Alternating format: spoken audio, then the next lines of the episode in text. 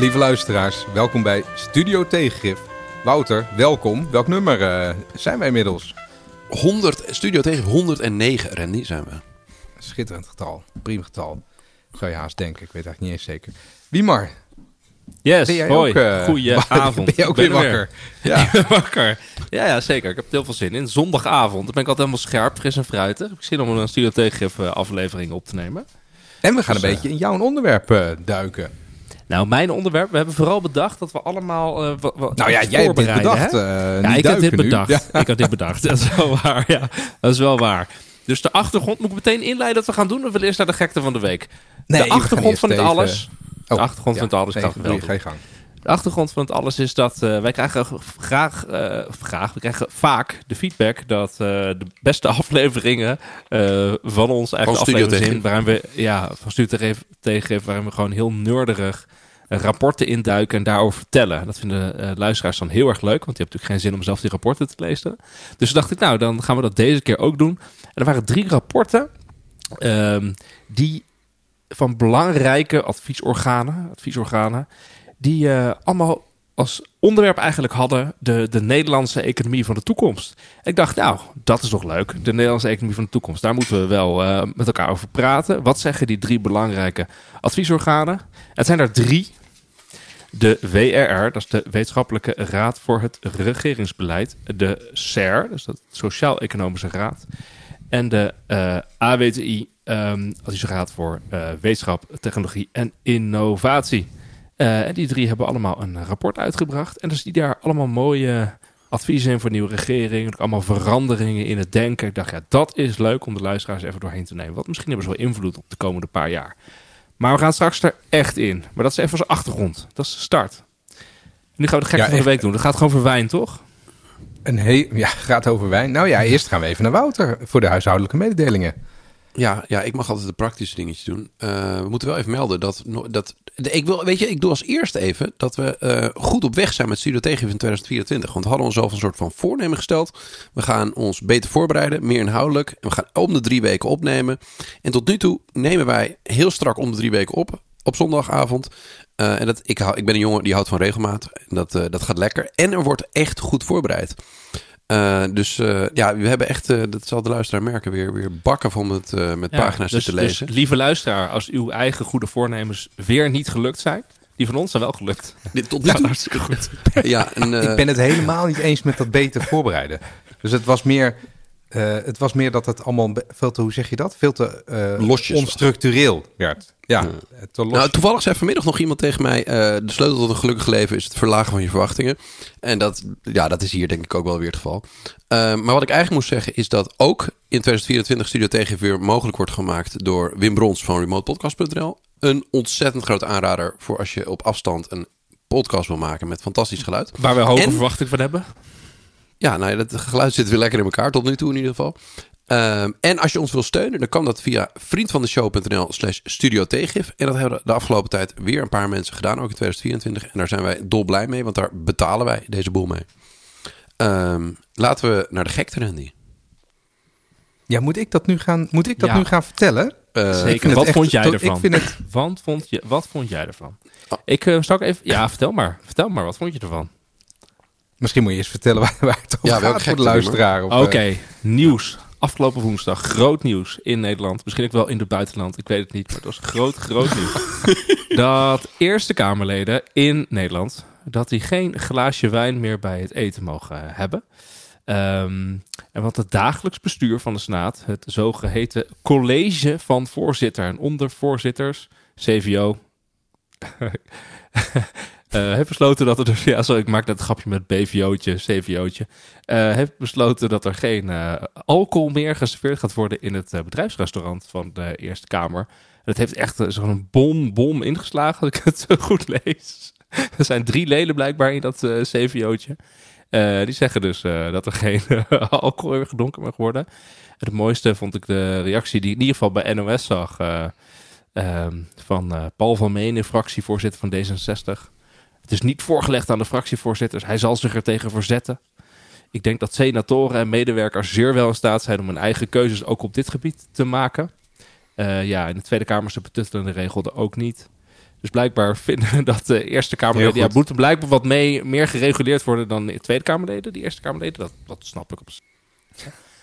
Eh, maar daarnaast is het dus ook, ja, gewoon, ik vind het wel dat het ook niet voorgelegd is aan 75 mensen. Gewoon dat je met elkaar even over een besluit over kan nemen.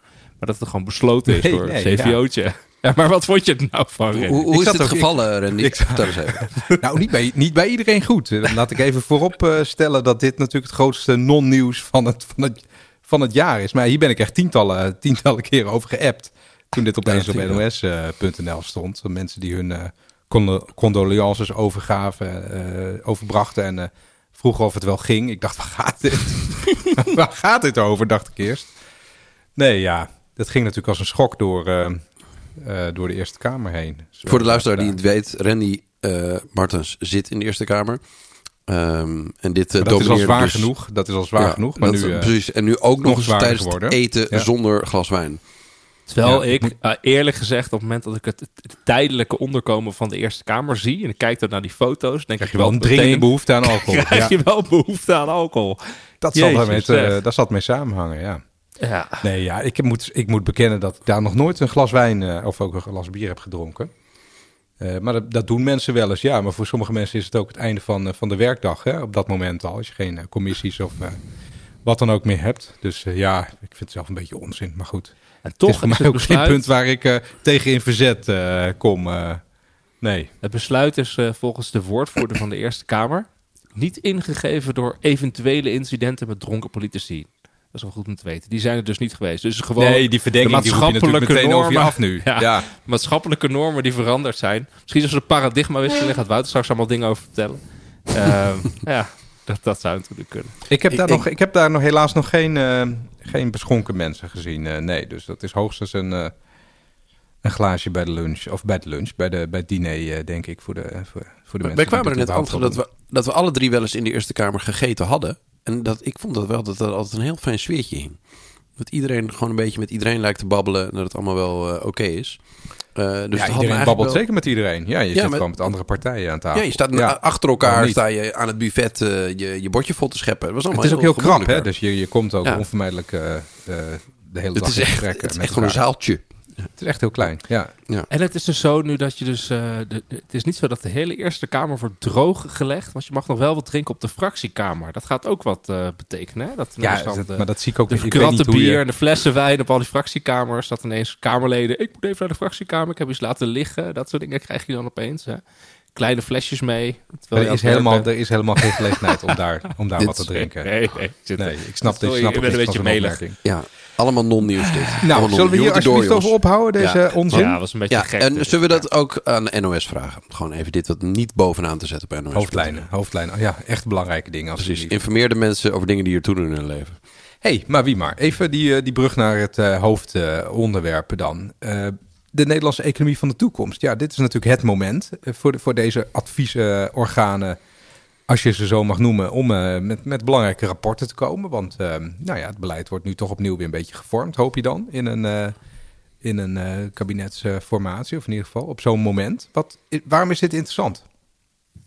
Wat interessant is, is dat ze dus alle drie iets zeggen over de, de nieuwe economische structuur die ze voor zich zien voor Nederland. Dus ook de uitdagingen benoemen waar de Nederlandse economie en samenleving mee te kampen hebben of mee om moeten gaan. Ze vertellen ook wat over nieuw eh, verandering in het innovatie, transitiebeleid in Nederland. En je ziet er gewoon echt verschuivingen ten opzichte van 10 of 20 jaar geleden. Dus dacht dat is heel interessant om even gewoon door te nemen. Dus we hebben een aantal vragen. Dus eh, welke grote verschuivingen zien we nou in die adviezen ten opzichte van nu of eerder? Welke thema's benoemen die adviesraden? Ehm, kan een kabinet hier wat mee? Eh, wat voor effect gaan deze adviezen hebben? Wat natuurlijk belangrijk is, is dat het zijn drie adviesraden die, eh, waar je wel, v- even in mijn woorden, wel wat moet kunnen, zeg maar, om erin te zitten. Dus er zijn vaak ho- hooggeleerde mensen of mensen met een bepaalde positie, met een serieus secretariaat, die dus ehm, echt wel even wat onderzoek doen en echte rapporten eh, maken. Dit zouden goede rapporten moeten zijn. Dit Dat- zouden dat, goede eh, wat- rapporten moeten zijn. Nou en het zijn drie Ja. verschillende adviesraden. Ehm, je ziet tegelijkertijd ook een duidelijke overeenkomst in die rapporten. Dus om het even te noemen voor de, voor de oplettende lezer. Het gaat over het rapport van de WRR van eind vorig jaar. Dat heet Goede Zaken naar een grotere maatschappelijke bijdrage van ondernemingen. Het gaat om het rapport ehm, titel van de Goede zaken. Dat klopt, ja. Het gaat het rapport van de eh, Adviesraad voor Wetenschap, Technologie en Innovatie ehm, in dienst van de toekomst. Van optimalisatie naar transformatie. En als laatste heel recent, eh, dit jaar, van de Sociaal-Economische Raad, visie, perspectief op eh, brede welvaart in 2040, bouwen aan de economie van de toekomst. Ja, dus die, eh, die drie gaan we, hebben we gelezen. Gaan we iets over vertellen? Dus ik ben Ja, benieuwd als jullie opgevallen is. Ik vond het trouwens wel weer echt genieten, jongens. Ik vind het, ik vind het zo mooi dat wij een alibi hebben om, om mijn hobby, om dit soort hele complexe rapporten gewoon te lezen. eh, om dat ook nog een beetje tot nut te maken via een podcast. Iedereen mag dat, eh, Wouter. Ja, ja, maar ja, nu heb je een soort eh, alibi dan, want ik moet met jullie een podcast maken, dus dan kan ik het maar beter ook lezen. Ehm, Maar je was heel Maar je wilde- is goed te horen. je, je wilde naar wat je opviel, hè? Ehm, Ja, dus welke grote verschuivingen zien we? Wat viel jullie op? Ik ben heel benieuwd. Ja, nou, dat is wel een hele grote open vraag, eh, Wie mag Geef ons even, geef ons even een beginnetje, want ik heb hier, Oh, nee, eh, gewoon ik heb wat hier wat velletjes Ga maar. Ga maar. Eh, Nou, nee, Oké, weet- laat mij maar even aftrappen. Jongens, ehm, ja. eh, wat ik interessant vind is dat... ehm, eh, de- allereerst moet je kijken naar... Je hebt drie van die, van die eh, organen. Dus de WRR, de Wetenschappelijke Raad voor eh, Regeringsbeleid. Dat is volgens mij een hoog college van staat. Dat zijn, dat zijn echt allemaal wetenschappers die verzameld zijn om een advies te geven. Ehm, en eh, wat interessant is, je, je noemde net al die titel. Goede zaak. Naar een grotere maatschappelijke bijdrage van ondernemingen. En de WRR is van die drie rapporten eigenlijk het stelligst in haar uitspraken ehm, eh, en eigenlijk daarmee ook adviezen voor, voor de politiek voor de toekomst. En ook het stelligst in het beeld dat ze schetsen. En wat ik, eh, eh, wat, wat, ik, wat ik zelf genoteerd had nadat ik het gelezen had. ehm, eh, het gaat uit van de aanname van ja, ondernemingen zijn eigenlijk onmisbaar voor onze maatschappij.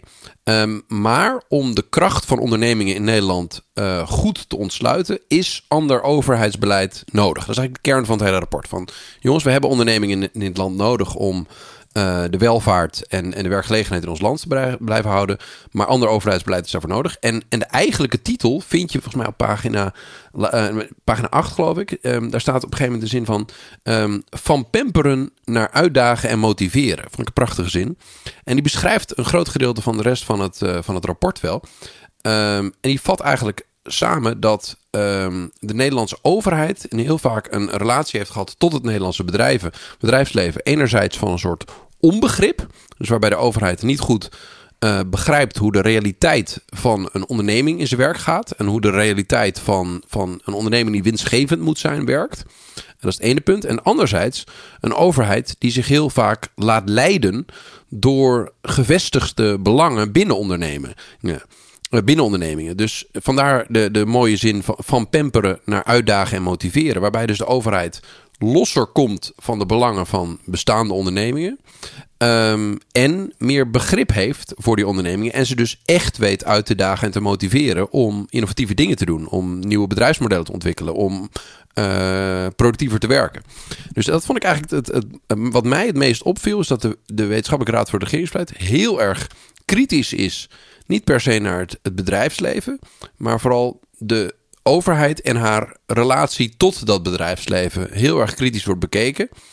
Ehm, ja, en dat, dat, als je dat samenvat, komt het eigenlijk neer op eh, de overheid begrijpt ondernemingen en ondernemerschap eh, niet goed genoeg. En is daardoor vaak een soort van speelbal van be- bestaande belangen. Ik hoop niet dat ik het nu allemaal te veel heb samengevat. Maar dit, Nee, dit nee, vond ik heel duidelijk erin voortkomen. Ik had, ik, had ook wel die, ik had ook wel die vraag van hoe filter je nou lobbypraat? Van, van ehm, eh, oprechte zorgen over de, innova de innovatiekracht van de, van de economie. Want ehm, ik, als, ik dit, als ik dit las, dat is wat, of het eerste, hè, wat mij opviel, eh, om jouw vraag te beantwoorden, wie maar is wel dat dat ehm, de rol van de overheid ook wel op punten ehm, overschat, denk ik. Dus het, het, het In bedrijfsleven... de rapporten. Ja, ja, dat gevoel had ik wel. Dus eh, eh, dat, is, dat is iets waar we, waar we zo- ook misschien nog wel op komen. Maar Europa heeft een, toch wel een, echt wel een hele dynamische economie. Eh, dus om te doen alsof innovaties alleen tot stand komen wanneer de overheid eerst aan touwtjes trekt, dat is al, dat is al niet waar in mijn ogen. Eh, Nou, Wouter, ik zie jou kijken van nou, nou, nou, nou. Ja. Jij, denkt dat dat wel, eh, dat dat wel zo is? Nou, ik, ik zou mezelf wel als een, eh een Matsukatist beschouwen in dat geval inderdaad. Eh, iemand die... bij, bij veel innovaties zie je wel dat het... het, laat, het, is meestal niet een, een overheid die het, het primaire doet... door middel van een beleid van we gaan nu innoveren daarop en dan gebeurt het. Maar de randvoorwaarden scheppen en het klimaat creëren... en de, de, de meest gedurfde investeringen doen. Dat, dat is in, in vele gevallen wel eh, een taak waar de collectieve sector... eh, belangrijk voor is. Nou ja, en ook, en ook vaak goed in is. Dat, dat bedoel ik ook niet. Maar ik, had, ik, ik las in die rapporten toch ook wel wat, wat die rapporten zelf ook benoemen. Een beetje onbegrip van hoe het, hoe het, misschien, eh, hoe het misschien werkt en hoe, hoe, hoe een economie dan groeit. Maar wie, maar ik ben eigenlijk wel benieuwd. Ik ben eigenlijk heel erg benieuwd naar wat, wat jij hier nou als, wat als eerste uithaalt. Nou, als eerste haalde ik eruit. Ik keek gewoon naar de titels. Ik werkte misschien wat gestresseerd. Scherp, scherp. Ja, zo denk ik, nou, we hebben drie titels. Wat valt erop? Wat er opvalt is dat eh, WR heeft ook een grote maatschappelijke bijdrage van ondernemingen. Dus blijkbaar moet er meer gebeuren dan alleen een economische of financiële eh, ehm, bijdrage. De SER heeft het over de brede welvaart en een nieuwe economie, 2040. Eh, en de AWTI zegt eh, ook de toekomst en we moeten gaan transformeren. Dus wat ik daarin zie is dat ze alle drie zeggen, nou het huidige systeem, binnen het huidige systeem of binnen de huidige economie, hoe het nu werkt, dat, dat is optimaliseren. eh, gaat niet goed genoeg. Mhm. Ehm, dus er moet ook een, en er zit dus een, een verandering naar eh inderdaad brede welvaart. Dus er, moet, er, moet, het is meer belangrijk dan bestaande economisch systeem of de bestaande eh, eh, BBP eh, vergroten. Ik, dat vind ik wel drie hele, twee hele interessante. Eentje dus een, die duidelijke stap dat die drie adviesorganen zeggen... het gaat om meer dan BBP, maar er is ook nog maatschappij. Er is ook brede welvaart. En we moeten nadenken over de toekomst. En de tweede, dat ze eigenlijk zeggen... Het binnen het huidige systeem optimaliseren, dat is niet voldoende. Het moet echt, echt veranderen. Er moet een transformatie komen. Ja, dat vind ik wel twee interessante om te zien. Dat dat er zo Ik heb, uit, ik heb het gevoel dat de reden waarom wij er nu zelf ook een beetje moeilijk door het begin heen komen, is omdat die rapporten ook echt allerlei puntjes en ditjes en datjes aanstippen. Dus dat, was, dat is eigenlijk, als ik, als ik opnieuw mag, eh, dat is eigenlijk wat mij het meest opviel. Dat eh, er maar heel beperkt eh, bepaalde grote punten uitkwamen die iedereen, eh, iedereen benoemde. Dus, dus ik weet niet of ik, of ik dat nou kan zeggen dat dat echt uit dat rapport kwam. Het, viel mij in ieder geval op dat wat, wat wel her en der wordt benoemd is wat, wat Europa bijvoorbeeld parten speelt versus de Verenigde Staten of weet ik veel, het Midden-Oosten, eh, is het gebrek aan goedkope energie.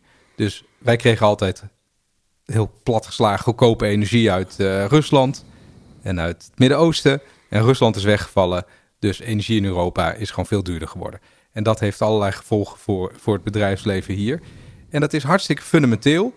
Eh, en dan zou, dan, die, heb ik, die heb ik echt op één gezet. Als je, het, als je het hebt over, dan maak ik al even een sprongetje naar wat, wat zou je dan moeten doen. Eh, je moet zorgen dat je, die, dat je die energie weer hebt. En het energienet, eh, hè, wat helemaal vol zit, is, is een gigantisch probleem. Dus energie is een, is een, is een, is een, is een topprioriteit, zou je zeggen. En toch is dat dan een van de honderd puntjes eh, die, die in zo'n rapport wordt benoemd. Maar misschien zeg ik het nu te scherp hoor. Volgens mij zeg je het heel goed. En volgens mij heeft het ook te maken met hoe, hoe wij weten dat dit soort rapporten eh, tot stand komen. Iedereen mag Eh, wat zeggen en dat dit- komt er allemaal zijn- in. Ja, dit zijn allemaal mensen die daarvoor geselecteerd zijn omdat ze een bepaalde achtergrond en expertise hebben en heel wijs zijn.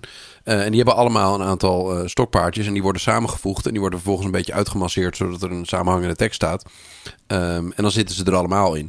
Maar je kunt dat element van, van het belang van een, eh, een, een stabiel en robuust energiesysteem dat minder afhankelijk wordt van geopolitieke verschuivingen. Dat, dat wordt wel genoemd. Maar het, het is wel opvallend inderdaad dat het niet als een van de ehm, bovenstaande eh, zaken staan. Wat ik, wat ik daarbij wel vond, is dat het, het veiligheidsaspect ehm, en het afhankelijkheidsaspect ook niet zo sterk terug zie komen. Maar wel dat het terug is. Dat als je het dan hebt over ehm, een soort van paradigmaverschuivingen. Dus, dus eh, dat, dat het, hele stelsel van denken over economie anders wordt. Dan is de paradigmaverschuiving volgens mij vooral dat het terug is dat we de economie niet meer enkel gaan zien als een soort van um, cumulatief effect van een win-win situatie waarbij uh, BBP-groei het hoogste doel is, maar dat je vooral ook strategisch gaat nadenken over je afhankelijkheden. En dat dat schijnbaar weer um, terug is aan de wetenschappelijke adviestafels. wat, wat voor afhankelijkheden bedoel je dan, Wouter? Afhankelijkheden op het gebied van energie, op het gebied van grondstoffen, op het gebied van uh, technologische um, uh, patenten, op het gebied van gewoon eigenlijk de hele productieketen van elementen die een, een uh, cruciaal onderdeel van jouw economie vormen. Daar zitten altijd, eigenlijk iedere vorm van internationale export is afhankelijkheid. Dat is economisch gezien vrij evident. Um, maar die afhankelijkheden werden heel vaak in een wereld waar vrede en meer vrede meer de norm was, gezien als iets waar je niet in de risico's over hoeft na te denken. En nu worden afhankelijkheden steeds meer gezien als risico's, nu de geopolitieke situatie steeds um, ja, minder zeker aan het worden is. Uh, en dat, nou, ja. dat is denk ik terug in het gesprek over de economie van de toekomst. Dat we dus veiligheid en uh, geopolitieke verhoudingen als de belangrijkste component voor je economie, um, die gaat bepalen. Ja, dat, dat, weet je dat ik dat gevoel ook wel een beetje had. Als je dan hebt over uh, verschuivingen of paradigmaverschuivingen, noemde jij dat nou net in de uitzending, maar of in ieder geval net, of net daarvoor, net voordat we de microfoon aanzetten misschien. Ik, ik uh, zie er wel zo eentje. Dus, dus die toevoerlijnen, dat, uh, die, je, hoe zeg je dat? Je toevoer van grondstoffen op orde hebben en je afzetmarkten hebben, dat is juist een heel erg 19e eeuws uh, manier van denken. Zou je haast denken. Hè? Dus je had, je had je kolonie en daar haalde je dan de grond, ruwe grondstoffen vandaan. En de bewerkte producten, die probeerde je daar weer af te zetten. En dat was een soort strijd tussen, tussen de Europese landen. En nu, en dat was totaal weg natuurlijk, hè? uiteraard, op een gegeven moment. En nu heb je bijvoorbeeld die Houthis. Die zitten daar dan op het Arabische schiereiland, links onderin, op onze boten te schieten. en dan is, is het, het, het uh, scheepsverkeer door het, Suez, door het Suezkanaal is met 70% afgenomen. Of in ieder geval bepaald soort uh, grote schepen die langs uh, komen zijn met 70% afgenomen. En daar wordt heel casual op gereageerd. lijkt, ja, tenminste, het wordt gebombardeerd. Hè, maar um, je zou zeggen, er kan ook een gigantische schokgolf door, door de economie gaan. Dat valt allemaal toch, toch nog wel mee. maar dat laat wel zien hoe ontzettend kwetsbaar je bent. Want wat, je, wat we exporteren, dat gaat daar voor een heel groot deel daar langs. Maar wat we importeren ook, dus die zeldzame aardmetalen, die olie, gas, uh, halffabrikaat, producten uit China. Het komt allemaal daar langs in principe. We moeten allemaal omvaren nu. En dat voelt allemaal heel erg uh, uh, 19e eeuws eigenlijk, als als, je, als je volgt wat ik bedoel. Ja, je ziet heel duidelijk dat de, de, gewoon de geopolitieke dimensie heel erg terugkomt. Met inderdaad afhankelijkheden, lange aanvoerlijnen. Um, En wat moet je daar dan als Nederland en binnen Europa aan doen? Dat, vind ik, dat is inderdaad eentje die je terug ziet, uh, ziet komen. Um, ja, maar ik zie dat helemaal niet zoveel in die rapporten. Of, of jij wel, uh, Wiemar? Nee, niet als hoofdpunt, uh, absoluut niet. Niet als hoofdpunt, niet als nee. hoofdpunt. Wel bij de Sociaal-Economische Raadrapport. Nee, een, een, hoofdpunt wat ik bijvoorbeeld, echt een hoofdpunt wat ik, wat ik zie, en dat vind ik wel, um, um, is dat in die rapporten eigenlijk allemaal gezegd wordt de overheid, het adviesorgaan van de overheid, de overheid en het huidige beleid en is eigenlijk vooral bezig om bestaande processen, structuren en belangen te uh, versterken. En gaat uit van houdt gevestigde belangen te veel uit de wind. Dat ja. staat overal, natuurlijk wat minder in het CER-rapport, maar wel bij de WRR en de AWTI. Vind ik wel bijzonder dat de gevestigde belangen. ja, dat zijn toch wat meer van de gevestigde belangen, de CER. Ja. Maar je ziet het heel duidelijk terugkomen. Dat echt gezegd wordt van oké, okay, uh, als je naar die nieuwe economie wil, uh, je wilt naar, uh, dan moet je echt uh, toch wat meer met de, met, met de oud-Zuid-belangen uh, omgaan. En niet te veel met de gevestigde. En dat, dat is wel een hele duidelijke terugkomt. En wat er terugkomt, is dat er eigenlijk gezegd wordt ja, is de overheid wel in staat eigenlijk om uh, zijn rol goed te vervullen? Dus er is een hele grote discussie bij die WRR die zegt van ja, eigenlijk heeft de overheid misschien te weinig deskundigheid om goed toezicht ja. te, te, houden. De lobby heeft eigenlijk te veel macht omdat de overheid te weinig uh, kennis heeft. Um, en dat is echt wel een probleem. De overheid heeft is gewoon uh, te veel kennis kwijt. Dus kan geen goede tegenwicht meer bieden eigenlijk. Hè? Uh, dat wordt, daar, wordt er gezegd. En dat zegt die AWTI zegt het ook. Hè? Die zegt ook eigenlijk van oké, okay, uh, de overheid benut de kennis die er is te weinig. Ehm, en moet ook beter gebruik maken eh, van de kennis die in de samenleving eh, is. Dat is ook wel bijzonder. Ja, dus het is ja. ook wel een soort aanval Ja. op, de, op de overheid. Jullie kunnen niks, zeggen ze eigenlijk. Jullie weten niks, jullie kunnen niks. Nou, er ze zit zeggen ook een soort- als je naar de nieuwe economie wil, en je wilt die, je wilt, eh, de- dan moet de overheid dus ook anders gaan, gaan, gaan werken of anders georganiseerd worden. eh, een ander beleid gaan voeren. Dat is wat ze zeggen. Ik heb toch een beetje het gevoel van, ja, eh, hoe zeg je dat? Klokklepel of zo hierbij. Ja. Want ja, de overheid heeft die kennis niet. Ehm, heeft de overheid ooit kennis gehad over wat ze bij echte diepe kennis, wat ze bij ASML doen, wat ze bij Adyen doen? Volgens mij is dat, is dat, is dat dikke onzin. Eh, ik denk niet dat dat ooit zo, eh, ik denk niet dat dat ooit zo is geweest. En dat is ook een beetje een fata morgana, want eh, tuurlijk, die mensen lopen rond in Nederland die die kennis wel hebben, maar waarom zouden die, waarom zouden die in zo'n rol bij de overheid gaan werken? Je kan daar, ehm, je kan daar ook niks met die kennis, omdat je, wat je zelf net zegt, de overheid veel meer bezig is met randvoorwaarden creëren, waarin dat soort bedrijven kunnen, kunnen ondernemen en kunnen, kunnen innoveren.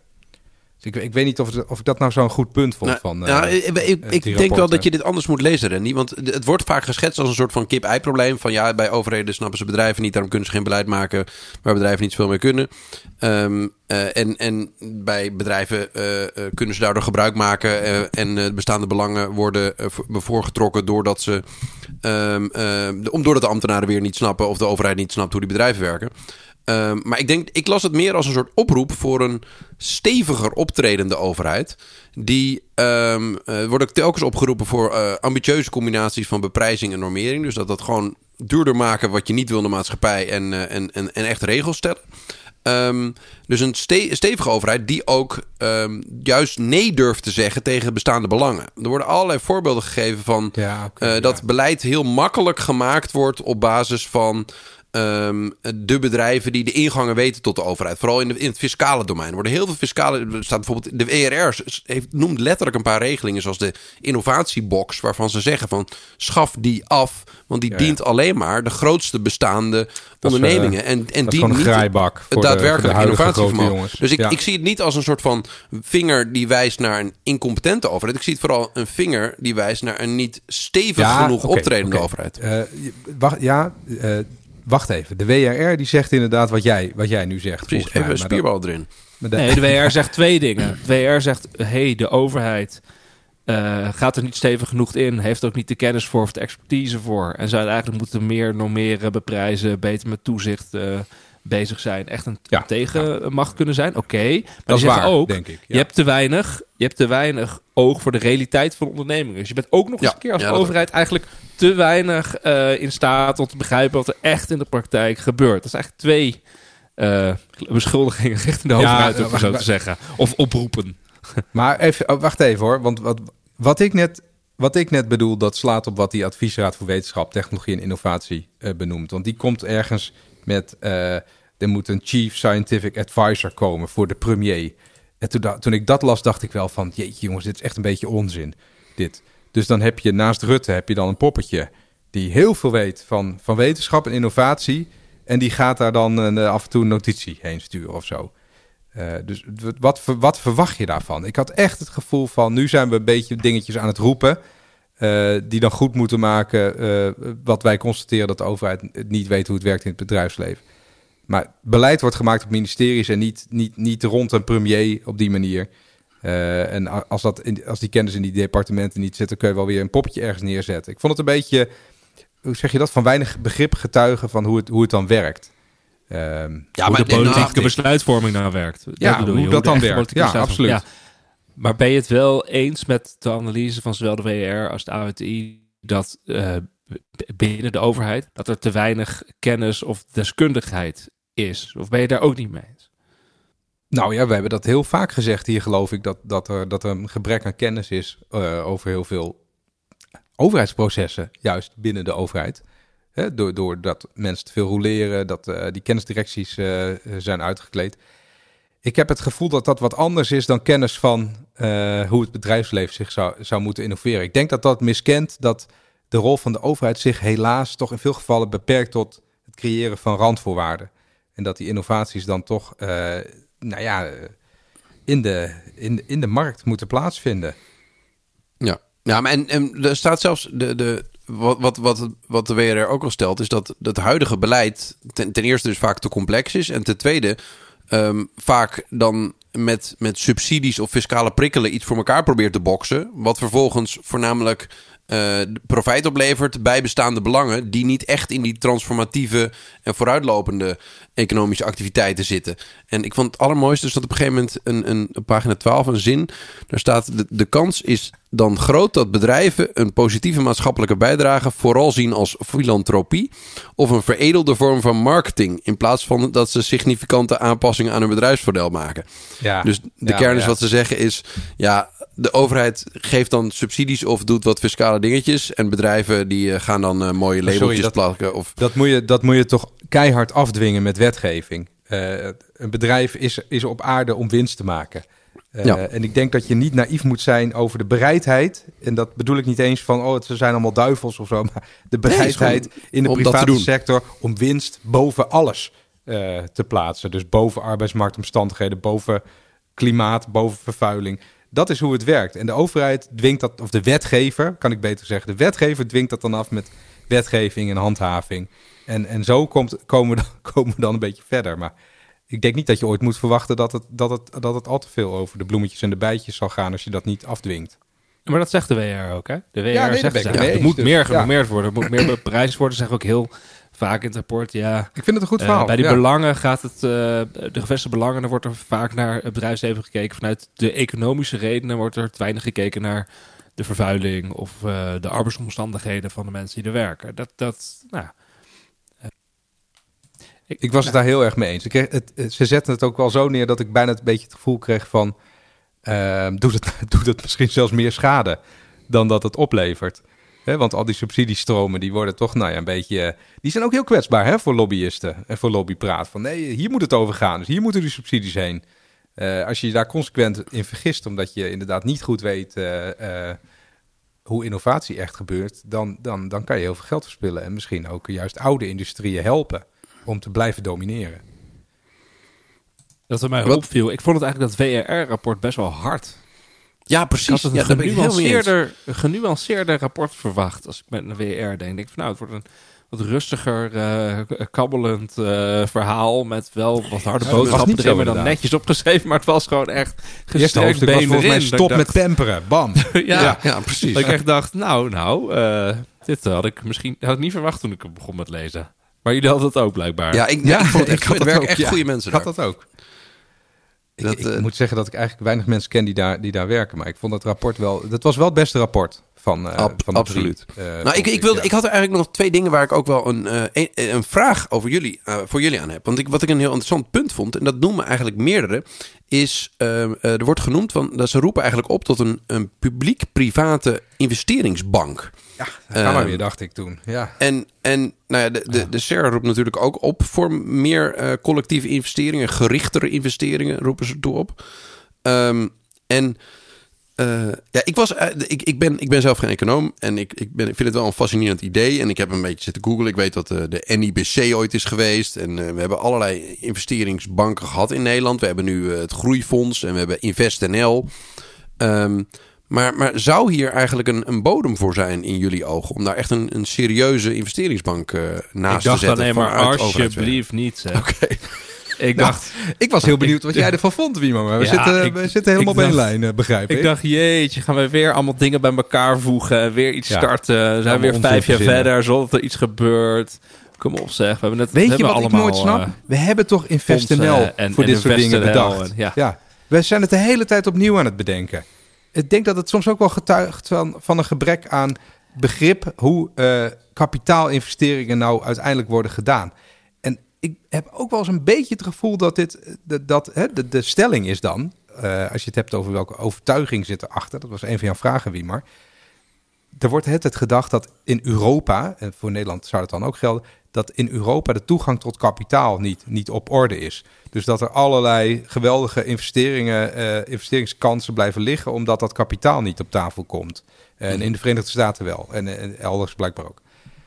Ik, ik ben daar nog helemaal niet eens van overtuigd. Maar in ieder geval, die publiek-private bank die dan altijd als oplossing wordt bedacht, die hebben we toch al zo vaak. Zo vaak hebben we dat nu gedaan in, in Nederland. Waarom is InvestNL dan niet goed? Laat dat dan. Ja, Laat ik dat dan dat doen, denk ik dan. Kijk, ik dacht ook, eh, als je een oproep gaat doen om InvestNL en het Nationaal Groeifonds bij elkaar te zetten in een nieuwe bank, dan snap je echt heel weinig van allebei die banken. Want, of van allebei die, die, die, die eh, organisaties.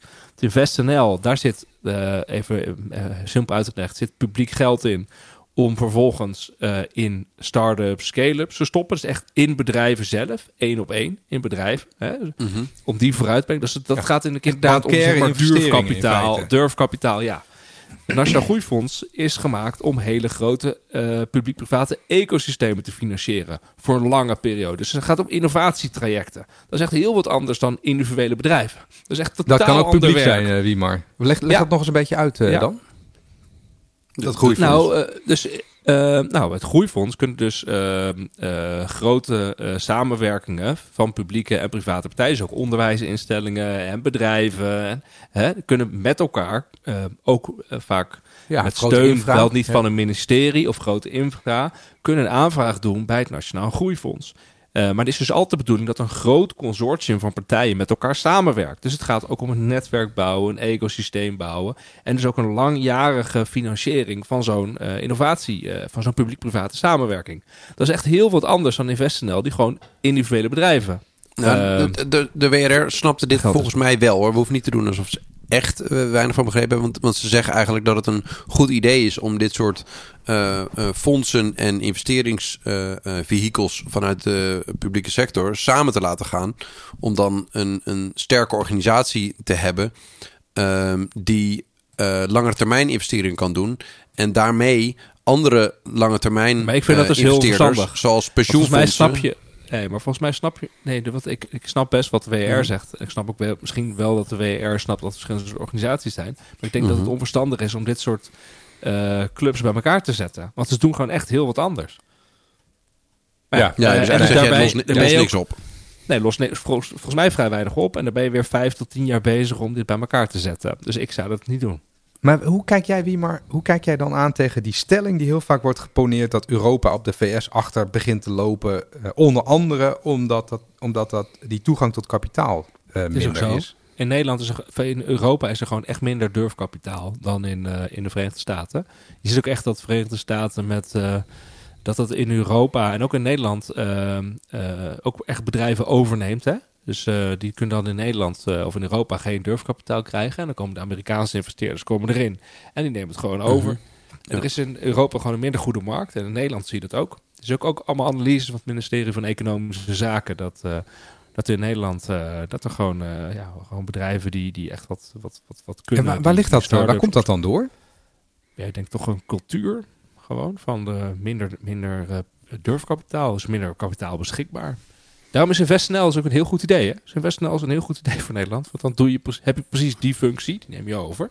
Ja. Ehm, We hebben dat al. Ja, aan. nou, dat was ook, dat was ook de reden dat ik een beetje begon te zuchten hoor. Van ik dacht, dat hebben we al.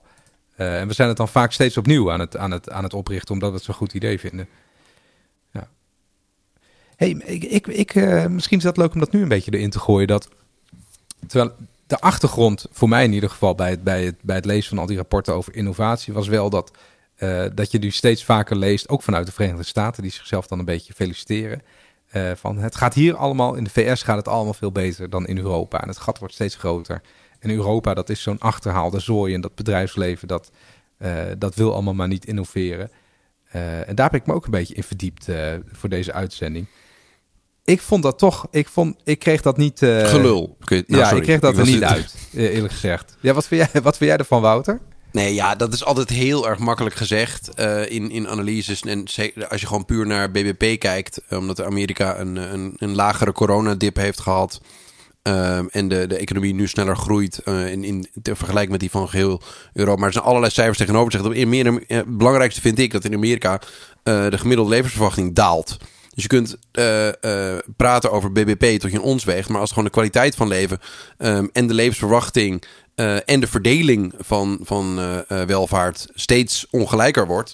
Vraag ik me af of je een, prettiger continent aan het worden bent. Dus heel veel randvoorwaarden voor mensen om een goede kwaliteit van leven te hebben, is zijn in Amerika aan het afnemen.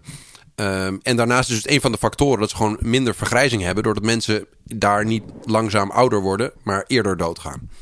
Ja, het gebied, juist op het gebied van de, die brede welvaart en die maatschappelijke waarden en die Gaat niet dimensie doet, doet Europa en Nederland gewoon veel beter dan, uh, dan Amerika.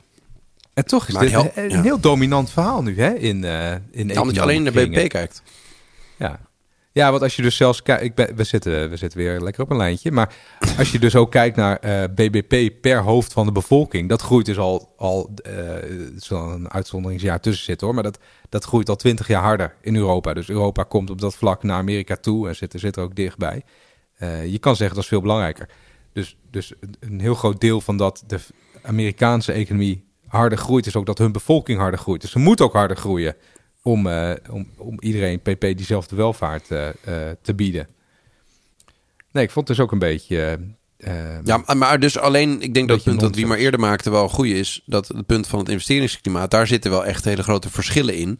En ja. dat, de, eigenlijk is dus de vraag van, die ook die rapporten wel opwerpen, van er zit een bepaalde uh, hoe zeg je dat? Idealen kosten geld. In Europa hebben we allerlei idealen, zowel op sociaal, maatschappelijk als. je bedoelt uh, gewoon gezondheidszorg. Ecologisch. Als, ja, ja, eigenlijk alle idealen die wij hebben uh, ja. in Europa. Dus op het gebied van inderdaad gezondheidszorg, onderwijs, duurzaamheid, sociale rechtvaardigheid, die kosten heel veel geld.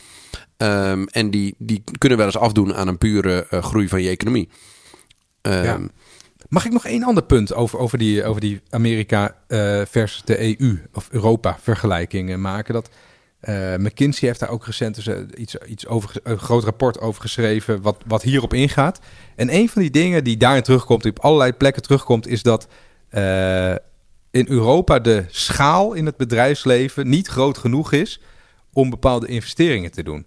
en, en daar, dus hè, in Europa zijn bedrijven kleiner dan in de VS, schijnbaar. dat is dan de stelling. Ik weet niet eens of het zo is. maar daarvan denk ik echt, hé hey, jongens, is dat niet misschien, uh, is dat niet misschien dikke onzin? Want daar heb ik net uh, een mooi boekje over gelezen. Dat is een leuke leestip voor de, uh, voor de luisteraars. Van Tim Wu. En dat heet ook The Curse of Bigness. How Corporate Giants Came to Rule the World. nou ja, dat is eigenlijk een dun boekje. Maar dat, dat betoogt in feite dat die grootheid helemaal niet goed is. Dus grote bedrijven die, die beginnen een soort bijna monopolies te worden... Um, en die, uh, uh, dat remt juist de ontwikkeling en de innovatie en de, en de dynamiek in de economie. En er wordt één uh, mooi voorbeeld genoemd wat, wat ik wel pakkend vond. dat, dat op een gegeven moment in Japan had je, ehm, nou ben ik de naam van het bedrijf kwijt, maar had je één heel groot softwarebedrijf wat, wat dominant was. Dat, was. dat was de strategie van de Japanse overheid. Alle ballen op, alle ballen op dat bedrijf zou het beter wel zijn als ik nu ook nog even zou weten hoe dat ook mhm. alweer, hoe dat ook alweer heette. Um, en in de Verenigde Staten, uh, dit is dus in de jaren negentig volgens mij. In de Verenigde Staten hadden ze toen juist uh, heel veel anti-trust uh, beleid. Dus anti-kartelvorming, anti-monopoliebeleid. En hebben ze daar een aantal ondernemingen juist uit elkaar gehaald. Ja. waardoor je meer kleine concurrerende ondernemingen had, zoals Microsoft, eh, IBM, Apple. Nou, de, gewoon de, de, de giganten van nu, zeg maar. Uh, die zijn toen deels uit elkaar gehouden en uit elkaar gehaald.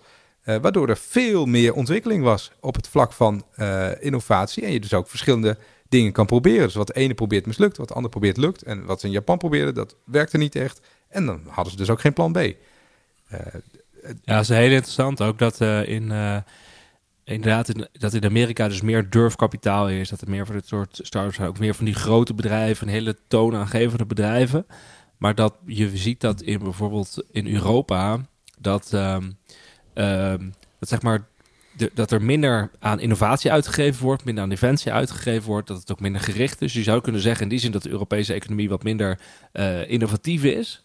Maar tegelijkertijd zie je dat Europa bijvoorbeeld op uh, regelgeving en dergelijke eigenlijk en op publieke voorzieningen eh, veel beter is dan, ehm, dan de Verenigde Staten. Waardoor eigenlijk de waarde van innovatie veel beter verdeeld wordt. Hè? Volgens mij had het er vorige keer ook over, over dat boek Power and Progress, wat nu eh, zo bekend is van uh, de, de Amerikaanse econoom, Nobelprijswinnaar. Die zegt dat nu ook. Hè? Mooi, die zegt van ja, oké, je kan wel altijd als je technologische vooruitgang hebt, dan leidt het tot heel veel winsten, maar vooral bij een kleine groep. En volgens mij gaat het om het verdelen van die winst aan die vooruitgang. Dat moet je met wetgeving doen. En Europa heeft natuurlijk altijd het mooie verhaal van de Brussels effect. Hadden we daarvan ook? Ik weet niet meer of we het over hadden. Nee, vertel. Ik weet niet eens wat, van, wat, het, wat, het, ehm, wat het is. Nou, van dus um, Anu Bradford, zij is een uh, professor, heeft dat beschreven. Ze heeft gezegd van ja, maar de, de reguleringsmacht van Europa, uh, omdat Europa zoveel consumenten heeft, uh, natuurlijk honderden, honderden miljoenen.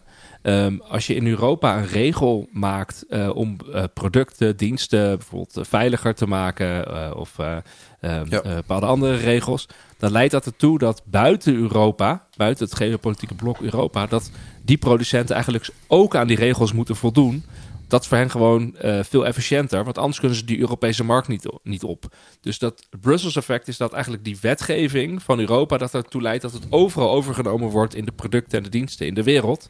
Tenminste, in, in, in Amerika. Omdat je anders het toch niet uh, kan afzetten uh, in Europa. Ja, nou, dus, dat, maar de, de maatschappelijke waarde de maatschappelijke waarde van de Europese regelgeving is dus heel groot. Want die gaat verder dan alleen Europa. Die gaat verder dan. Die gaat, ja. komt ook in andere delen van de wereld uh, terecht. Maar dit, dit noemen ze ook wel de Brussels Race to the Top. Oh ja, ik kent alleen de Brussels effect. Ja, kan. Ja, interessant.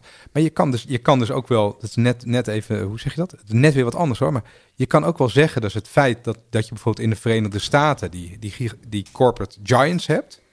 Uh, die niet zo'n last hebben van Brussel wat zegt, hè? je mag niet fuseren. En, ja, je hebt in Europa heb je natuurlijk hele goede, hele sterke mededingingswetgeving. Sterker, hè? is best wel aardig in, in Europa. Dus um, zulke regels waardoor inderdaad die Amerikaanse giganten, die moeten hier gewoon echt uh, op een andere manier acteren dan ja, dat ze in Amerika gewend zijn. Wat, wat, ik, wat ik probeer te zeggen, het feit dat dat een economie van die giganten heeft, kan er ook wel eens betekenen dat uh, de toekomstige ontwikkeling onder druk gaat komen te staan. Omdat je dus ja. die verminderde concurrentie hebt. Dus wat dan vaak wordt aangehaald als een, uh, als een bewijs van dat het ergens zo goed gaat. Want als, als dan wordt geponeerd van hey, in de VS gaat het allemaal zo geweldig. Dan worden vaak genoemd van, oh ja, allemaal, alle, alle corporate giants, hè, de unicorns, die zitten daar. Uh, maar misschien is dat, is dat niet zo goed als het lijkt. Uh, en heb je in Europa allerlei bedrijven die een beetje onder de radar blijven van hè, die, die wereldpers, die dan een paar uh, giganten kan benoemen. die, die uiteindelijk voor een grotere welvaart gaan zorgen. Dus ik, ik was daar nog totaal niet van overtuigd dat, dat, dat het daar zoveel beter gaat dan hier. Het is wel lekker dat we het hier allemaal best wel re toch redelijk over eens zijn. Is het oké okay als ik nog één punt even noem dat ik ook in al de drie de rapporten terugvond? Ja, dat we het nog niet even over gehad hebben. Is, dat is namelijk um, de, het, uh, de, het sturende effect dat uh, de, de overheid kan hebben. Kijk, in, in Nederland heb je ongeveer, ik had, ik had even opgezocht, 390 miljard was de rijksbegroting in 2023 op een economie van ongeveer 1070 miljard. Dus ongeveer 40% van ons BBP wordt door de overheid uitgegeven. En al die drie rapporten, zowel de WRR, de CER als de, Adviesraad voor Wetenschap, Technologie en Innovatie, zeggen um, de overheid maakt te weinig gebruik van slimme vraagsturing door zelf haar inkoopbeleid goed te richten. En bij de WRR zeggen ze het eigenlijk nog veel strakker. De overheid zegt eigenlijk dat uh, houdt zich als klant niet aan het eigen beleid dat die stelt. Eigenlijk zeggen zij van hou je nou eens je aan je eigen eh, beleidsdoelstellingen en maatschappelijke doelstellingen door je inkoopbeleid. Want daardoor ben je marktscheppend en marktsturend. Um, en je wekt vertrouwen in opkomende uh, sectoren en, en, en Nederlandse uh, economieën. Um, en dat, dat vond ik een hele interessante. Dus dat, dat uh, zowel dus de polder, de SER, als de mensen die echt in de, in de wetenschap, uh, wetenschap rondom innovatie zitten, als de WRR, die, die, die echt een heel kritisch rapport neerzetten, schrijven allemaal van um, overheid, uh, put your money where your mouth is. Dus eigenlijk. Um, dus als je inkoopt met die 390 miljard, de overheid is voor heel veel domeinen de grootste inkoper die er is. Ehm, eh, stel dan hele duidelijke eisen die overeenkomen met wat je maatschappelijk gezien voor elkaar zou willen krijgen. Of welke sectoren je een zet zou willen geven. Maar help me Ehm, dan even begrijpen. Wat voor soort, wat voor soort eisen moet je dan aan denken? Nou, de, de- uiteindelijk wordt er heel vaak wordt genoemd de eisen die wij stellen rondom duurzaamheid en sociale rechtvaardigheid of eh, industriebeleid. Nou, eigenlijk die drie takken heb je, denk ik. Dus rondom Ja, ja. sociale rechtvaardigheid gaat het dan om arbeidsomstandigheden en eh, in de vergeleden, eh, volledige productieketen. Nou, in heel veel sectoren is dat ontzettend moeilijk om af te drinken eh, of af te dingen. Denk aan kleding, retail. Dat zijn hele lange productieketens. Kijk, als er een container in Rotterdam binnenkomt, is het heel lastig te achterhalen wat er exact gebeurd is met dat meubelstuk, dat kledingstuk Ja. of dat eetstuk in, in de gehele keten. En die sociale rechtvaardigheid, waar we het in Nederland in allerlei politieke discussies, discussies uitgebreid over hebben, over uurlonen, werktijden, eh, eh, om, om, omstandigheden, kinderarbeid. Ehm, eh, eigenlijk wordt hier gezegd van nou probeer als overheid met wat je in ieder geval zelf inkoopt echt hardsturend zijn. Hetzelfde gaat rondom die duurzaamheid. Laat zien dat wat je eh, probeert voor elkaar te krijgen in de maatschappij. Op het gebied van, van groene energieproductie. eh, op het gebied van, van eh, duurzame produc- eh, productie en, en inkoop. ehm, Ja. eh, dat je dat ook doet in het geld dat je... Dat wat 40% van de economie is die, dat je zelf uitgeeft. Eh, Ja, je kan heel veel Evenzo invloed qua afhankelijkheden. Je kan heel veel invloed hebben uiteindelijk op de richting van de economie natuurlijk. Want je maakt inderdaad gewoon een markt en je zet bepaalde normen neer. Dus dat, dat kan je, dat moet je dan wel gebruiken, dat, dat instrument. Het is wel zo, als je deze rapporten leest, ze geven natuurlijk allemaal advies aan de overheid, of ze vragen wat aan de overheid. Dan denk je wel, jeetje, dan moet, de overheid moet blijkbaar gaan beprijzen, moet gaan normeren. Ja, moet, eh, ja, er wordt nogal wat ja. regulering gaan doen, toezicht Ja, maar het is gedaan allemaal veel worden, te veel de fiscale regelingen moeten bekeken worden. Ehm, de subsidies moeten bekeken worden. Er moet inderdaad nog wat met de inkoop gaan doen. Er moet integraal gewerkt worden. Hè? Dus de verschillende ministeries die werken niet integraal Ah, met elkaar integraal. samen. Ja, tuurlijk, Integraal, dat integraal. staat er overal. Ja, er wordt En niet genoeg moet- vergaderd. En er moet in heel veel van die rapporten staat dat er moet toch een toekomstbeeld komen. Een gemeenschappelijk toekomstbeeld. Oh ja, een visie. Een gemeenschappelijke visie. En er moeten scherpe keuzes gemaakt worden. Ze moeten overheid ook nog een keer scherpe keuzes maken. Dus zeg maar, als je, als je een uitdagende baan wil, dan moet je blijkbaar bij de overheid gaan werken. Dat is wel wat je. Nou, wat dat je is sowieso waar. Ja. Ik vind dat, dat is eigenlijk wel een beetje Nederland in een notendop de afgelopen tien jaar. We kankeren al- allemaal de hele dag op de overheid. En vervolgens gaan we die overheid een waslijst met taken op de stoep leggen. En zeggen, ja, dit willen wij trouwens allemaal van u. En wel morgen. Ehm, maar trouwens, de afgelopen tien jaar was het allemaal bagger. Eh, dit, ik vind het echt fascinerend hoe, hoe dat door de slimste mensen eh, wordt opgeschreven. Maar dan is dus, daar begon, wij, wij kwamen een beetje moeilijk op gang, eh, vond ik, hè, net. I- iets, een kwartiertje terug, zeg maar. Klopt, klopt, klopt. Of een half uurtje terug, weet ik veel. Eh, en dat heeft ook hiermee te maken. Want die rapporten die hebben eigenlijk een heel duidelijk gezamenlijk thema. Dus wat is de economie van de toekomst? En ondertussen komt er een soort tsunami van allerlei dingetjes eh, over je heen... die er blijkbaar allemaal belangrijk voor zijn. Eh, en volgens mij heb je als overheid adviesorganen... om eh, aan jou te vertellen wat dan echt belangrijk is. Want allemaal eh, dingetjes aan elkaar rijgen, dat, dat kan je misschien zelf ook al. Maar wat is dan echt? Wat moet je nou... Misschien kunnen we een beetje naar Nou, dat jouw vind ik dus interessant. Dat klopt, weet je. Je moet er het eind doen, maar je weet moeten we hè. hiermee? Weet je, Ja. ja. wat moeten we hiermee? Want ik vind het dus heel interessant. Want de, de drie rapporten, die, ik ging ook even kijken van... wat zeggen jullie eigenlijk als grote uitdagingen neer? Hè? Dus elk rapport begint met een inleiding... en wordt de grote uitdagingen van deze tijd geschetst. Dus de WER heel duidelijk zegt... klimaat, gezondheid, de arbeidsmarkt, het verdienvermogen... en nog een beetje de voedsel, wat moet veranderen. Hè? Dat is, Ja, is zijn er alweer vijf. Het is ja, oké, alweer lastig toch een relatief kort lijstje. Ja, ja, zeker. De AWTI heeft over klimaat, ook voedsel, energie, mobiliteit en de zorg of gezondheid. Weer vijf. Nou, er is nog wat focus in. En dan eh, bij de SER gaat het over de vergrijzing, digitalisering, geopolitieke verhoudingen, sociale ongelijkheid, klimaatverandering, biodiversiteitsverlies. Eh SER die heeft duidelijk, eh, is duidelijk groter, hè? breder. Er komt echt van alles ja, langs. alles dat is ook veel dan. meer, dat Ja. zie je ook duidelijk. De, de SER is een soort hele lange wensenlijst voor de overheid. Hè? Terwijl de, de WRR en de AWTI geven veel meer een soort eh, beeld over welke rol moet de overheid gaan vervullen. Of eh, we- hoe moet beleid eh, veranderen. Of hoe moet de overheid veranderen. De eh, de SER is meer een soort hele lange wensenlijst. Ja, dus? Ja, wat is jouw conclusie? nou, mijn conclusie dan? is dat er... Sorry, even een goed punt. Ja, mijn conclusie is dat er eigenlijk best wel wat overeenstemming is over de grote uitdaging. Eigenlijk, ja. Klimaat, gezondheid, voedsel, verdienvermogen, geopolitiek. Nou, is ook best wel overzichtelijk. Ja, ik, ik, ik, ik krijg dat gevoel van overzicht eigenlijk niet. Uh, ook niet als je het zo, uh, zo opnoemt. Um, ik, ik, had, ik had eigenlijk een iets andere conclusie. Dat volgens mij is de taak van de overheid om te zorgen dat het, dat het systeem niet vastloopt. Dus hè, waar het al eindeloos over gaat in Nederland. stikstof, watervervuiling, het energienet. Als de overheid nou eens zou zorgen dat dat allemaal niet vastloopt, dan denk ik dat het Nederlandse bedrijfsleven of het Europese bedrijfsleven, uh, dat, dat er helemaal niet zoveel blokkades zijn om zich te ontwikkelen tot de economie van de toekomst. Uh, en ik vraag me, ja, ik vraag me ook af of, dat, of, dat, of de overheid zich niet al zou vertillen. Want je hebt het over de veelheid van dingen. Of dat zei Wouter net. Van ja, de overheid uh, moet allemaal niet te veel. Maar ondertussen hebben we een waslijst. Moet heel Tokio. veel. Ja, moeten we niet een beetje focussen op de dingen die nu echt belangrijk zijn? Uh, dus zorgen dat de boel niet vastloopt op die punten die ik net, uh, net noem. Uh, en misschien extreme bedreigingen in de geopolitiek ook zorgen dat die ons niet onderuit gaan schoffelen. Zoals dat onze aanvoerlijnen door, door, door de Rode Zee afgeknepen worden. Maar toch, kijk, even drie dingen op te reageren. Eén, dat er uit deze rapporten een soort licht utopisch beeld ontstaat van wat een overheid allemaal kan en moet gaan doen. Daar ben ik met je eens. We kan dit allemaal wel hè, en hebben er wel de mensen voor. Dat, dat een, ten eerste. Ten tweede, jij zegt ja, een, de overheid moet zorgen dat Nederland niet vastloopt. Maar dat is wel heel minimaal.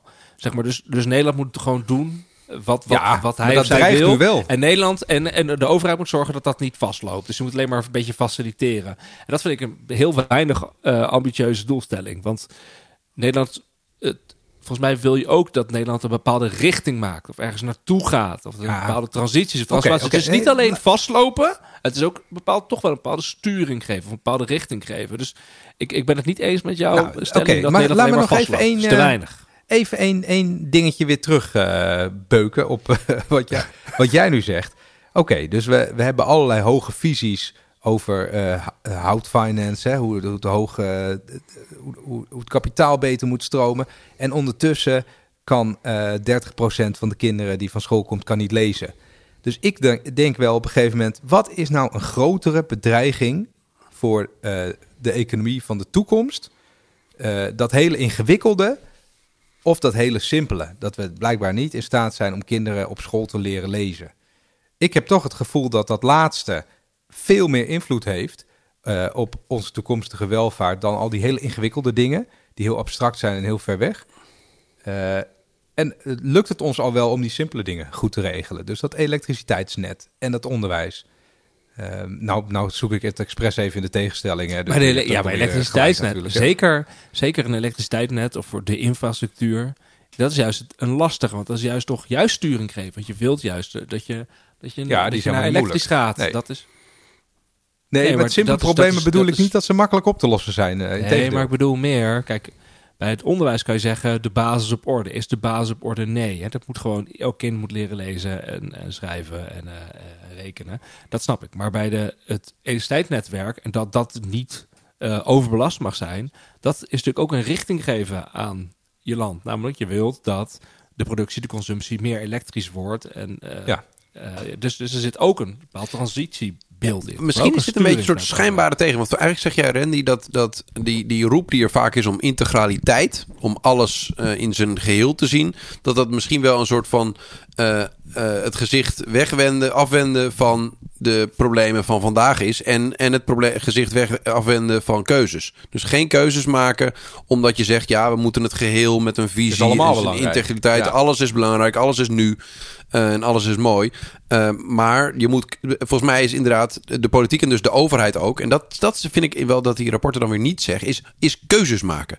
Gewoon ja. besluiten. Dit, ik, ik ben nu voor u, uh, door u verkozen om de, de macht uit te oefenen. En dit vind ik het grootste probleem. Dus dat gaan we aanpakken. En dit is mijn plan om dat op de langere termijn aan te gaan pakken. Um, en en eigenlijk zeg jij, daar hoeft niet zo heel veel um, uh, uh, gekkigheid en, en, en complexe integraliteit bij uh, gepakt te worden. Want het is vrij duidelijk nou, wat er in Nederland dan geregeld moet worden. Dat vereist niet zo heel veel strategisch denkwerk. Dus het probleem oplossen is wel knetter ingewikkeld. alleen ik zou, ik zou denken, als ik, als ik het dermate voor het zeggen had...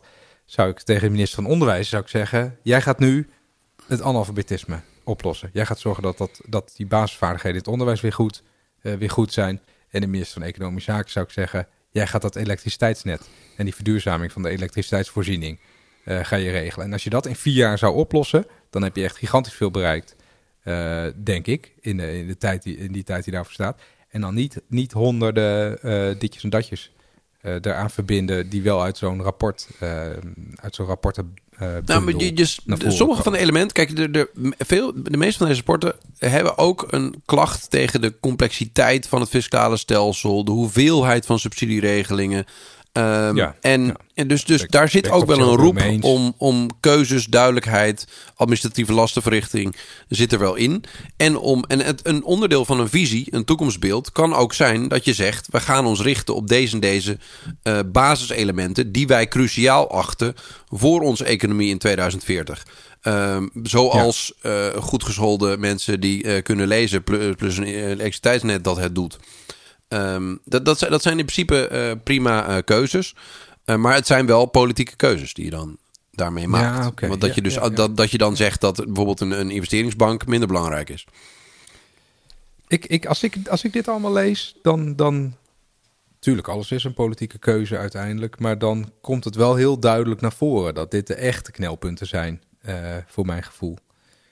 Eh, maar goed, misschien is dat gewoon dan toch weer mijn politieke mening. Dat is natuurlijk ook weer een mega valkuil eh, om dat eh, de- tot algemene wijsheid te verklaren. Ik vind in de adviezen. ik- Je hebt wel een punt dat ik denk van. Als je naar deze adviezen kijkt of deze rapporten kijkt. Worden dan echt harde keuzes in deze rapporten gemaakt? Dat Hey joh. valt wel mee, inderdaad. Hè? Behalve dus inderdaad dat er gezegd wordt: meer beprijzen, meer normeren. Overheid moet meer kunnen. Gebruik de kennis. En heroverwegen een heel aantal eh, fiscale regelingen. Dat komt erin terug. Ja. Ehm, en er moet een, blijkbaar een, een integrale toekomstvisie komen. Nou, dat vind ik een hele lastige. Om dat te zeggen dat het een scherpe keuze is. Ik, dit woordje integraal is bij mij altijd een soort, soort klein rood vlaggetje. Red flag. Ja, ja, daar kan je toch uiteindelijk helemaal geen bal mee. Hè? Nee, het moet integraal. Ja, maar weet je, het is, de wereld is nou helemaal verdeeld in hokjes en eh, landjes en eh et cetera. Ik heb Wat onlangs gaan een heer- deze... Ja. Wat Ik jij- het wat- heerlijke boek over de integrale staat gelezen van, eh, van Paul Frisser. Daar geniet ik altijd van. Die, eh, die heeft een heel boek geschreven waarin hij een klacht biedt naar de, het streven van integraliteit. Omdat eigenlijk de complexe maatschappij, eh, die, die, die is ook niet integraal. Als je naar buiten kijkt, de boel is niet integraal. Het is één grote aaneenschakeling van toeval en, en, en complexe systemen eh, die niet integraal zijn. Dus de, de hang om dat volledig in zijn integraliteit als beleidsobject te gaan beschouwen... is eigenlijk een hele rare drang die wij hebben. Als je nu naar buiten gaat, Wouter, de gemiddelde Nederlander heeft ook geen flauw idee wat, bedoel je, je met bedoelt integraal? Als je Met- eh, zegt ja, het moet integraler. Nou, een integraal helm. Ja, sorry. Ja, nou, dat zegt al wel genoeg over de bruikbaarheid van zo'n, van zo'n advies. Hey, wat gaat het effect zijn? Nou ja, de- wat, zijn, wat wordt het? Hè, dus wat kan een kabinet? met Nou, deze Wiemer, daar wil ik wat over en zeggen. Wat gaat het effect zijn van deze adviezen? Want Want is al deze raden- bezig. Negeren is eigenlijk de politieke signatuur van de vier partijen die nu een kabinet aan het vormen zijn. Ehm, want een groot gedeelte van onze eh, eh, eh, formatie gaat één één over, over rechtsstatelijkheid, maar gaat ook over eh, migratie en, en de nationale identiteit en, en Nederlanderschap eh, zijn in de campagne veel teruggekomen. Cultuurdingen. En het is het gek genoeg eigenlijk de afgelopen campagnes heel weinig over economie geweest. Dus wat ik heel weinig teruglas in deze rapporten is een soort van... ehm, waarom zouden de partijen die zo dadelijk eh, gaan regeren... hier nu mee aan de slag moeten? Ik vond eigenlijk dat het wel wat ehm, alarmistischer... of in ieder geval eh, dat de hand wat hoger omhoog gestoken mag worden... van hier moet u het over gaan hebben. Ehm, want zeker partijen die nog eh, eh, een aantal jaren geleden riepen dat we uit de Europese Unie zouden moeten of dat de euro terug, de gulden terug moet eh, en dat soort dingen. Ehm, die, die, die moet je toch echt wel eventjes eh, Wouter, bij de les zo'n- trekken. Zo'n, Wouter, zo'n adviesorgaan mag toch niet zich richten op één politieke partij of op de vier partijen die nu aan het formeren zijn. Dat mag Die- natuurlijk niet. Da- die kunnen altijd, wij kunnen heel goed ambtenaars aan lezen. De overheid. Ja, maar die kunnen dan aan- wat zinnetjes erin schrijven die wij dan weer herkennen.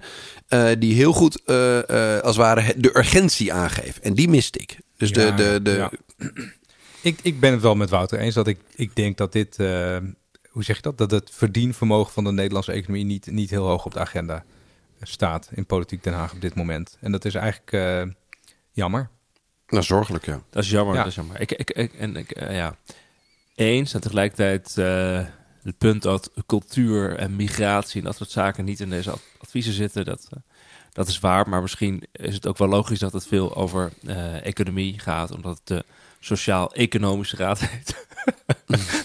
dus Ja, ja, ja. Zou zomaar gaat- kunnen. Economie is het onderwerp. En een Hey, wetenschappelijke raad voor het regeringsbeleid. En het gaat over ehm, technologie en innovatie dus, en wetenschap. Dus ik kan wel ik Ja, niet heel vreemd dat hier cultuur nu, weet, nu weten we het wel dat jij de titels hebt eh, gelezen. Ja, ja, ik heb het ge- nee, dus, dus, eh, maar verder ben ik het eens. Maar misschien moeten we volgende keer dan toch weer een sociaal en cultureel planbureau gaan lezen. Hey, maar jongens, het gaat, wel, het gaat wel een beetje over migratie. Hè? Dus, dus dat is ook een gigantisch Ja, arbeidsmigratie. Het gaat over Ja. arbeidsmigratie. En volgens mij zeggen diverse van, van, die, van die clubs die we vandaag Zonder behandelen... die arbeidsmigratie zeggen, kun je niks. stoppen met massale arbeidsmigratie in sectoren met weinig toegevoegde, Ja, eh, toegevoegde waarde. En dat is nou net een beetje een lastig punt. eh, en ook een beetje een punt van hypocrisie eh, bij de formerende partijen. Want ja, we willen allemaal migratie terugbrengen. Maar toevallig zijn net die sectoren met weinig toegevoegde waarde. Dat zijn onze donateurs. En dat zijn onze kiezers. Want dat zit allemaal toch een beetje bij Otto Workforce en in de landbouw. Daar halen we duizenden mensen uit het buitenland om eh, hier dingen te doen die voor de economie heel weinig betekenis hebben.